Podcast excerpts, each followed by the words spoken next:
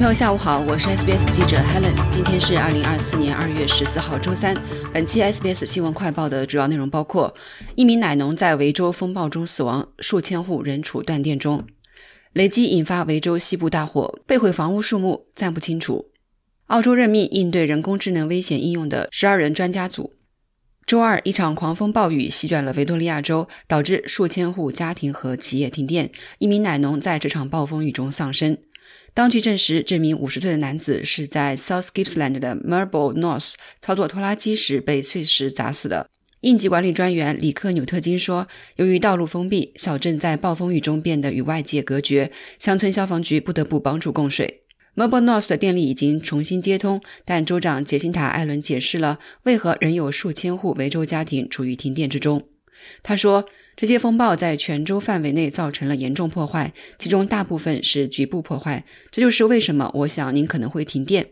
我想，如果您从窗户向外望去，或走出前门，看到道路两旁的树木倒下，倒下的树木影响到电线，这可能就是停电原因，也是团队在那里进行快速评估以重新接通电力的原因。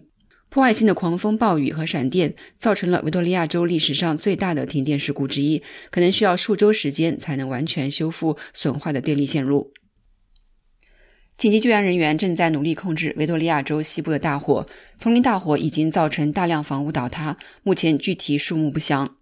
虽然格兰平国家公园的大火威胁有所缓解，但该公园北部和东部的居民依然面临着两项分别为观察与行动的警告，即。Watch 与 Act。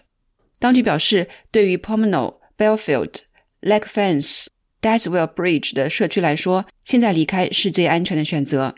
应急管理专员里克纽金特说：“几乎所有火灾都是由雷击引起的，其中就包括 Pomona 镇的一场毁灭性大火。”他说：“大火在那造成很大影响，火势以很快的速度向前蔓延，导致一些民宅被烧毁。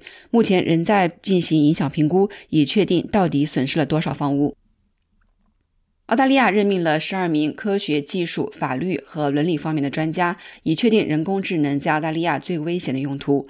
工业与科学部长艾德·胡西奇在政府发布《安全与负责任的人工智能中期报告》后近一个月后，于周三宣布任命专家组。